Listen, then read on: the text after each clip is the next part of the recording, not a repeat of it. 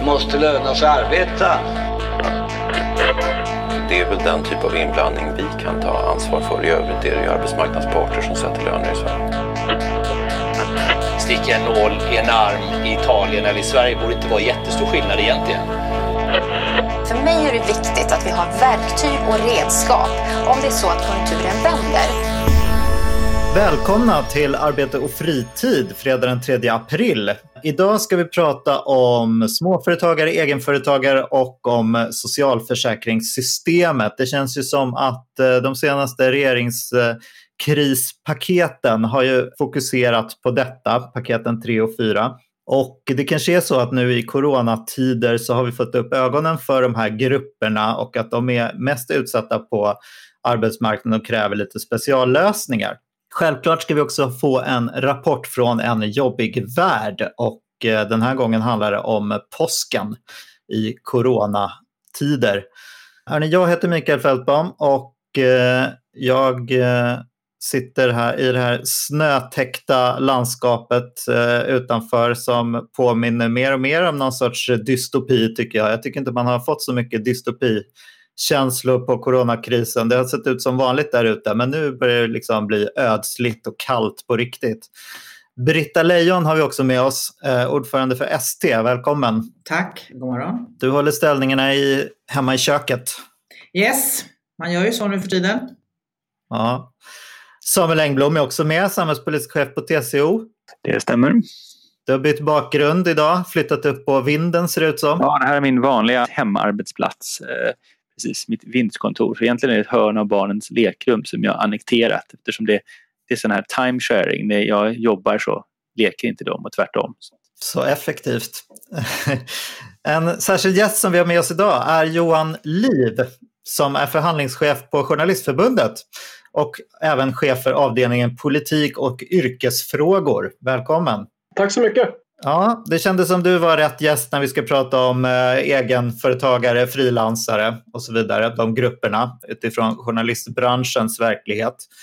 Korttidspermitteringar började regeringen med. Det är ju bra för dem med fasta jobb, men arbetsmarknaden innehåller också ungefär 800 000 tidsbegränsat anställda, ungefär 400 000 egenföretagare. Hur ser det ut i journalistbranschen? Berätta vad ni möter just nu. Vi möter ju stort behov av olika stödåtgärder både för anställda och för egenföretagare. Men om man börjar med, med egenföretagarna så är ju det givetvis en minoritet av våra medlemmar. Det är ungefär 1800 personer som är frilansmedlemmar i Journalistförbundet. Så det är ju ingen liksom enorm skara. Men det är ju lika fullt en hög procentuell andel av förbundets totala medlemmar, ungefär 10 procent av våra medlemmar, som är egenföretagare eller frilansare. Och de har ju eh, i egenskap av ofta sist i liksom produktionskedjorna så har ju de en tuff verklighet just nu. Många kunder som eh, börjar med att minska på liksom frilansinköp och konsulttjänster och även liksom tillfälliga anställningar och inhyrningar via bemanningsföretag och på annat sätt. Man skalar ju bort sånt i första hand. Och då drabbas ju de mer osäkert anlitade i egenskap av liksom buffert på arbetsmarknaden. Berätta vad, vad det är som gör att man måste dra ner nu. Det är annonsintäkter som sjunker. Är det några särskilda branscher eller är det generellt? Ja, alltså vi kan ju säga att vi organiserar ju kommersiella medier, vi organiserar ju även public service och den kan man ju lämna lite därhän för de har ju sina intäkter säkrade och de har ju även om det är så att eh, Doobidoo får ställa in för att Lasse Kronér är sjuk så påverkar ju inte det public service eh, intäktsflöden. Liksom. Däremot så har man ju exempelvis eh, kommersiella dagstidningar så, så har du ett otroligt stort behov av eh, nyhetsförmedling och korrekt information och så att säga mediernas uppdrag som nyhetsförmedlare är ju viktigare än någonsin men den ekonomiska grunden som ju var i gungning redan sedan tidigare eh, och har varit det i många år eh, blir ju ännu mer utsatt nu när färre och färre annonserar. Liksom. Om näringslivet i övrigt krisar så, så lägger man mindre pengar på annonser och det ger mindre intäkter till, eh, media, media, till medieföretag som har sämre möjligheter att eh, göra journalistik helt enkelt. Trots att behovet av journalistik är större än någonsin. Så det där är en liten paradox. Regeringen har ju gjort åtgärder, både man har breddat eh, och höjt a-kassan till exempel och man har gått in med särskilda åtgärder mot mindre företag. Eh, vad är det som ni ser eh, skulle behöva göras? Dels eh, vill ni ha branschstöd för, för eh, mediebranschen, men jag tänker kanske lite mer fokus på det generella. Vad ser ni för just eh, egenföretagare och småbolag och så här? Så får man ändå säga att regeringen har ju varit ganska lyhörd. Man har ju presenterat en, en eh, mängd olika åtgärder som ju även kan komma småföretagare till del på olika sätt och vis. Och det är ju eh, och jag tycker ändå att man får ha viss förståelse för att det inte har gått att liksom presentera en komplett lösning på en ganska komplex fråga under de här omständigheterna. Utan jag tycker liksom eh, att viss heder ska ändå tillkomma de från av våra lagstiftare och andra som har eh, under stor press mejslat fram de här förslagen som ändå har kommit och förbättringarna i a-kassan är betydande och kommer även att innebära att eh, egenföretagare som behöver lägga sin firma vilande får större möjligheter att söka stöd än vad som tidigare var fallet. Eh, så jag ska inte sitta och säga att liksom, det har varit eh, alltför otill otillräckligt. Sen är det ju som så att Eh, räcker det här för att rädda jobben åt våra egenföretagare medlemmar? Nej, det gör det ju inte. Va? Och det är såklart klart att alla jobb går ju kanske inte heller att rädda. Det får man ju vara tydlig med. Men, men eh, vi behöver självklart titta på vad kan man göra för ytterligare åtgärder som kanske görs riktade till kultur och mediesektorn. Utifrån de särskilda behoven som finns där. Finns det olika typer av branschstöd och driftstöd och mer riktade statliga insatser som kan komma dem till del. Och eh, exempelvis skulle man öka mediastödet kan det anpassas så att det även säkerställer liksom mångfalden bland uppdragstagarna och så vidare så att inte allt för många slås ut och, och så. Eh, så att jag menar det där, behöver, det, där fortsätter vi att liksom spåna, spåna kring och eh, vad är det allra viktigaste som du upplever som regeringen har gjort eh, för små företag och egenföretagare och vad är det viktigaste du ser kom, kan komma fram, framöver? Sänkningen av arbetsgivaravgifter och egenavgifter är det som får eh, direkt eh, impact och även a-kasseförändringen tycker jag är de viktigaste. Många av de mm. andra förändringarna är ju liksom kreditlösningar på olika sätt som i och för sig också är välbehövliga men, men de kan vara lite knepigare för eh, de av våra medlemmar. Och det viktigaste som du ser kan komma framöver? är ett eh, förstärkt media, media, mediastöd. Samuel, du har också varit inne och laborerat i de här frågorna. Vad ser du som det viktigaste som kan komma framöver? Det har hänt väldigt mycket på, på, på kort tid. Och, eh, ja, man gjorde en förändring i a-kassan. Frågan är om, om jag tycker att vi kanske får, har fått en liten ny debatt om det här med vad är en företagares arbetslöshet. Men det är liksom ett närmast ett klassiskt dilemma i frågan om, om arbetslöshetsförsäkring för, för företagare, vilket är något som man i många länder inte har. Det ska vi komma ihåg att där ligger Sverige.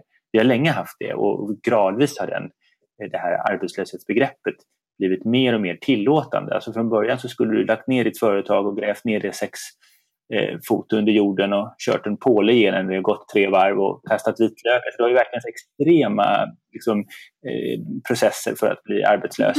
Eh, och det har man grad, gradvis luckrat upp. Och det, jag tror att vi kanske kan få en diskussion kring det där, vad, det inne, vad vilande innebär. Det, det, skulle kunna vara något nytt som kommer.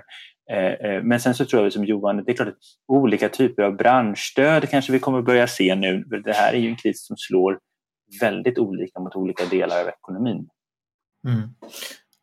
Håller ni med om att den här krisen har liksom, från att i början krispaketen fokuserade på stora arbetsplatser, korttidspermitteringar, att man har fått upp ögonen för att en stor del av arbetsmarknaden är, ja, det största är kanske tidsbegränsat anställda, men även det finns väldigt många egenföretagare och mindre bolag som inte kanske passar in i de här modellerna. Är det någon sorts uppvaknande? Är det en rimlig spaning?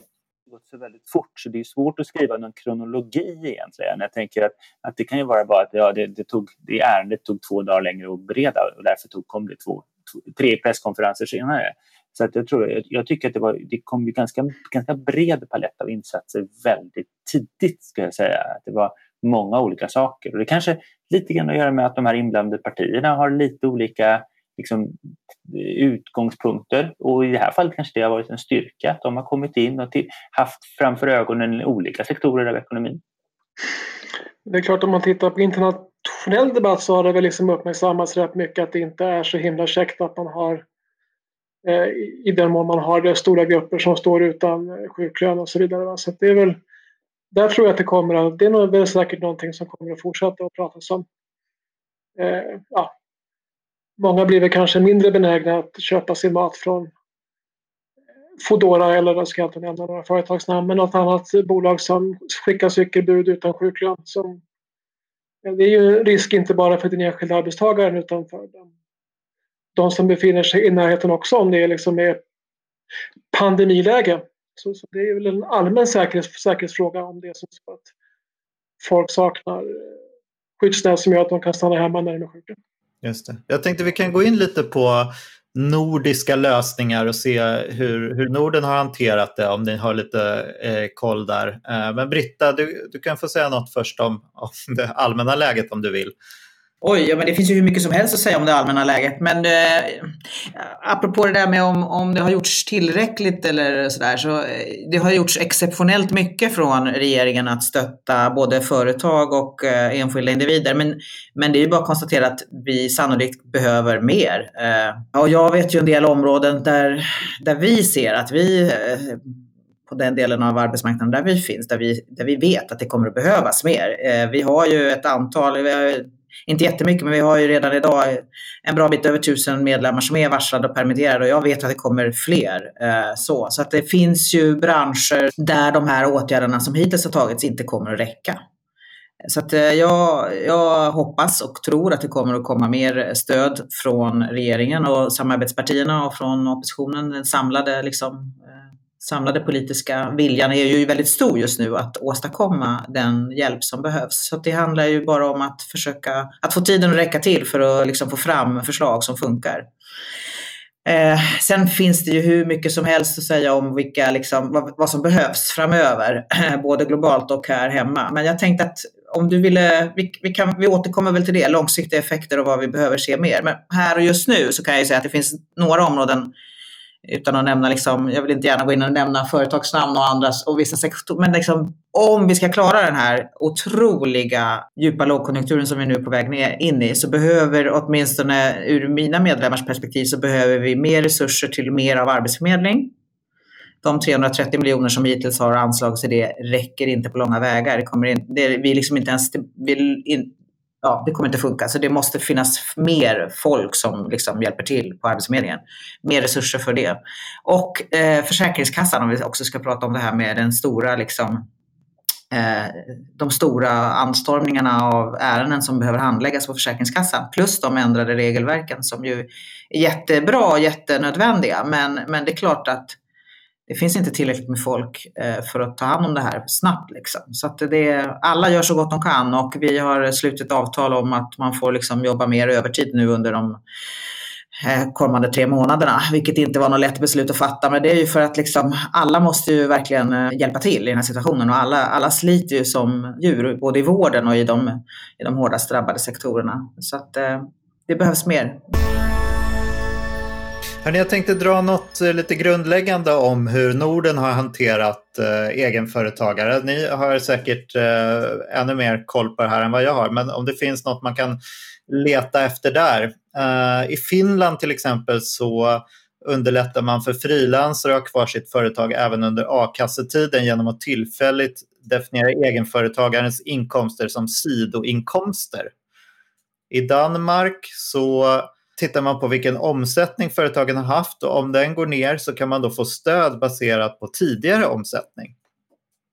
Och i Norge så garanterar man 80 procent eh, av den genomsnittliga inkomsten de tre senaste åren. Men man har ett tak då eh, för stödet på eh, 565 000 kronor. Är det här några idéer som skulle vara intressanta för Sverige? Så den där frågan om a-kassan är ju... Om, vi, om jag går ut och frågar våra frilansmedlemmar, vad tycker ni om det där med att kunna eh, bibehålla någon form av arbete under tiden man har a-kassa? Eh, om det nu är det som det finska förslaget går ut på. Det är lite, ja, för mig är det lite otydligt. Men eh, så delar ju det uppfattningarna väldigt mycket. Och, och en del tycker att nej, men det innebär en osund konkurrens. Vissa kan liksom använda arbetslöshetsförsäkringen som en subvention eh, och, och liksom slå ut andra som inte gör det. Medan andra tycker att det skulle vara ett alldeles utmärkt stöd att kunna liksom deltidsstämpla och företaga på halvtid. Men det där är ju ett klassiskt dilemma. Den där, den där frågan är ju på intet sätt ny. Mm. Nej, jag ser som sagt, det är svårt att, att, att bedöma de här exemplen. För då måste man känna till hur hela systemet är konstruerat. Alltså vad betyder det här att man klassar det som en sidoinkomst i Finland? Eh, sen de här två andra varianterna, den danska och den norska. Så lite sånt har vi ju liksom i grundsystemet. Att man, när man räknar att eh, en egenföretagare får räkna sin ersättning på ett annat sätt. Eh, man tittar bakåt och man tittar kanske på en längre period. Och framförallt här, när någon byter från att vara eh, anställd till att bli egenföretagare, då, då har vi också övergångsregler som gör att man tittar på en längre period. Så det där kan man, man kan fundera på, skulle man gräva i detaljerna så kan man fundera på hur mycket det skiljer sig åt från den svenska situationen. All right. Bra. Hörni, eh, ska vi avsluta med det här om eh, vad tror ni, har människor liksom ändrat inställning till eh, olika faktorer på arbetsmarknaden och till statens roll möjligen? Det är ju en sak, men det andra är ju, kommer vi få några bestående förändringar på arbetsmarknaden efter den här krisen? Alltså när allt återgår till det normala eh, och eh, liksom maktförhållandena kanske ändå är ungefär som förr. Spelar det då någon roll egentligen om folk har ändrat uppfattningar? Kommer det hända någonting? Ja, det är som vanligt så himla svårt med förutsägelser. Det enda man vet är att man kommer att ha fel på något sätt. och det handlar ju oftast om att man, ja, det, är svårt att, det är svårt att dra ut långa tangenter. Jag tycker det är jättesvårt. Just nu ser ju alla fackförbund och alla a-kassor en, en enorm tillströmning av medlemmar. Det är ju tråkigt att en sån här pandemi ska vara orsaken, men det är viktigt att folk får upp ögonen för den, det trygghetssystemet och de, den hjälpen man kan få. Så att, och det hoppas jag kommer vara kvar åtminstone ett antal år. Eh, så. Men eh, annars så tänker jag väl att vi, vi kommer se en ökad fattigdom. Kanske inte jättemycket i Sverige tack vare våra socialförsäkringssystem och våra liksom, a-kassor och inkomstförsäkringar och sådär. Men men vi kommer att se en ökad fattigdom som kommer bita sig kvar väldigt länge i många europeiska länder och runt om i världen. Eh, och det där kommer ju, jag är rädd, det brukar aldrig vara bra för demokratier med ökad fattigdom och ekonomisk kris. Eh, så jag, det är klart att det, det kommer att få jättestor betydelse. Här hemma vi pratade i förra podden om att det här nog kommer att förändra handelsmönster och påverka graden av globalisering och att det blir mer av liksom regionala eh, kedjor och regional produktion. Och det där borde ju rimligen också påverka kanske positivt i viss utsträckning eh, för svensk arbetsmarknad som ändå ligger ganska, jag menar, Också digitaliseringen gör ju att det som förut har varit en nackdel med relativt högt löneläge i Sverige jämfört med andra, andra regioner i världen, det, det utjämnas lite grann. Man kan liksom plocka hem produktionen av, av många skäl. Eh, åtminstone regionalt till Europa igen. Så att det kanske innebär att vi som har, om vi nu sköter våra kort rätt, vi som ändå har ett bra utgångsläge. Vi har mycket pengar i ladorna som nu regeringen och samarbetspartierna använder för att stötta branscher, företag, enskilda individer, löntagare. Och vi har eh, förhoppningsvis, eftersom vi inte helt har stängt igen landet, en förmåga att komma snabbt ur startblocken när det här väl vänder. Så kanske det kan innebära att vi kommer klara oss någorlunda hyfsat. Å andra sidan är vi en liten handelsberoende öppen ekonomi som är extremt beroende av några av de länder som nu drabbas allra hårdast av den här krisen, USA till exempel. Så att, eh, jag vet, det är jättesvårt att säga tycker jag om vad det här kommer att betyda. Men jag hoppas att det åtminstone betyder att insikten om att vara, vikten av att vara med i facket och i a-kassan blir kvar ett antal år, åtminstone ett decennium. Eh, så. Men jag, jag, är rädd för att det finns, eh, vi pratade om det förut också, att den förra krisen, finanskrisen, har ju, har ju fortfarande liksom, runt om i Europa satt sina spår i människors ekonomi och vi har liksom, alla har inte återhämtat sig än. Så att långsiktiga effekter kommer det definitivt att bli och de kommer att vara allvarliga eh, också för Sverige, men kanske i mindre grad för Sverige än för andra länder. Ja, tack. Det här med maktförhållanden, det känns lite grann som att alla lyfter upp sina gamla käpphästar nu. Alltså, Alltså, Ratio till exempel gick ut med att krisen visar att arbetsmarknaden måste vara mer flexibel. Eh, vi måste liksom eh, vi måste eh, reformera LAS och så här. Och facken kanske säger ja, men krisen visar att eh, trygghetssystemen måste vara mer, eh, liksom täcka fler och vara bättre och att vi måste utbilda oss för att ställa om i kristider. Alltså, ja, det finns många olika slutsatser man kan dra av en kris. Samuel? Jag älskar ju att prata om att arbetsmarknaden inte förändras så snabbt som vi tror. Men när man, och drar, så drar jag ut mina såna här grafer bakåt och så är allting platt. Men det man kan se det är ju att vid kriser så kan det komma skiften. Ja? Oljekrisen och 90-talskrisen. Det finns ju mycket saker som att ja, under 90-talskrisen så gick vi från en nivå till en annan nivå. Liksom, att skifta, kurvan liksom skiftade. Eh, och det medan 2008-2009 i Sverige är ett hack i kurvan men i många andra länder är liksom en, en långvarig nedgång. Och då är frågan vad det här blir. Och det är klart det här skulle också kunna bli antingen ett hack i kurvan men också en bestående förändring. Alltså det, det, en kris kan driva på strukturomvandling och vi har, eh, jag vet att när vi har pratat med våra förbund och försökt summera lite så är det många som tror att det här kan sätta eh, ytterligare fart på en del digitalisering och automatisering till exempel. Eh, sånt kan jag tänka mig att vi ser. Kanske att man, man tänker en del eh, arbetskraftsintensiv tjänstesektor, delar av den privata tjänstesektorn kanske kommer organisera sig på andra sätt för att minska den liksom, sårbarheten. Va? Så det skulle man i och för sig kunna, kunna tänka sig att vi sätter klart. Sen så är det intressant också för det här händer ju i en tid där det finns en policytrend som egentligen handlar mycket om, som vi också har pratat om, det här med att, att man ser på aktiv arbetsmarknadspolitik politik på ett annat sätt. Man ser på statens möjligheter att påverka ekonomin på ett annat sätt. Alltså det här som kommer från OECD och IMF och, och tunga ekonomer. Och det är klart, när det då kliver in i ett sånt här läge där staten måste göra saker och blir väldigt viktig så kanske vi kommer få se en, då en, en, också en, ett policyskifte som går mot en, en mer aktiv roll för det offentliga jämfört med vad vi har sett de senaste 30-40 åren. Ja, det hoppas ju verkligen jag. Att det liksom, och jag tycker mig ha märkt den tendensen redan, in, faktiskt redan innan eh, coronapandemin så tyckte jag ändå att jag började märka en annan skifte i synen på, på hur viktigt det är med välfungerande institutioner i samhället generellt, eh, men specifikt offentliga och statliga institutioner. Och nu, nu är det liksom så uppenbart för alla att har vi inte välfungerande beredskap, har vi inte välfungerande institutioner så liksom står vi oss slätt. Eh, så jag, jag, tror att eh, det håller jag verkligen med om Samuel, den biten. Ja, vad jag tänkte på, jag är ju nog benägen att tro att kriser är ju lite grann som Winston Churchill där, man ska aldrig försumma en bra kris. Liksom. Men eh, ja, jag tror ju att vi kommer att, och, jag menar både, det här kommer att påverka EU, det här kommer att påverka svenska arbetsmarknaden, det här kommer att påverka politiken både på hemmaplan och globalt. Hemma så tror jag ju att det känns ju som att det är lite mer de här gamla vanliga klassiska politiska eh, frågorna återgör entré på, på den politiska eh, planhalvan. Liksom. Ekonomi, sjukvårdsfrågor. Eh, så så att, eh, mm.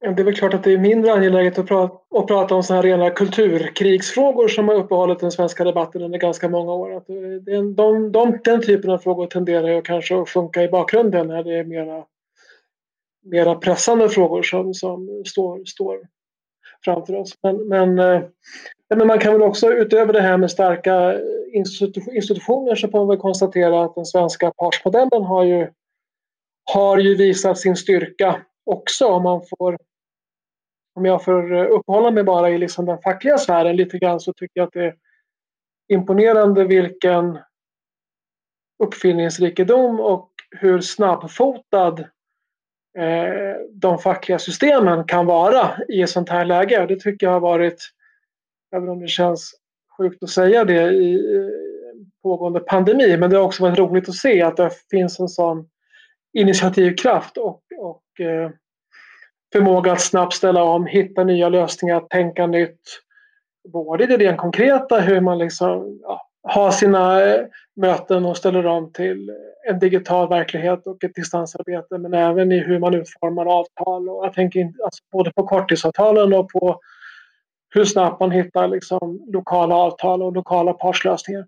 Det där, där tycker jag är... Eh, ja, det visar på den svenska modellens styrka om man får vara lite högtidsklyschig. Men, men det är ändå sant.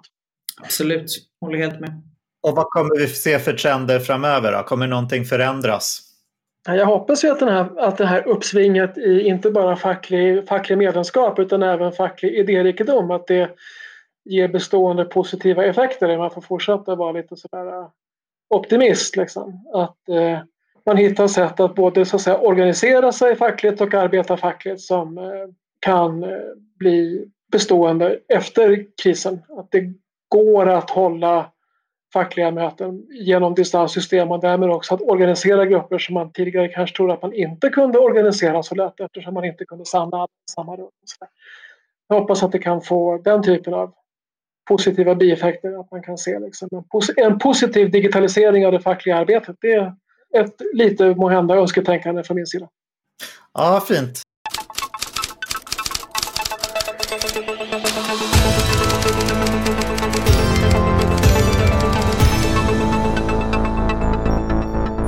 Djävulen ställer in påskens orgier.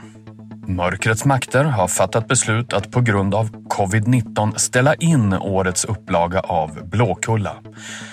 Citat, det handlar om att platta ut kurvan för att minska trycket på de demoner och småjävlar som arbetar i purgatorium, slutcitat, skriver Belsebub i ett pressmeddelande.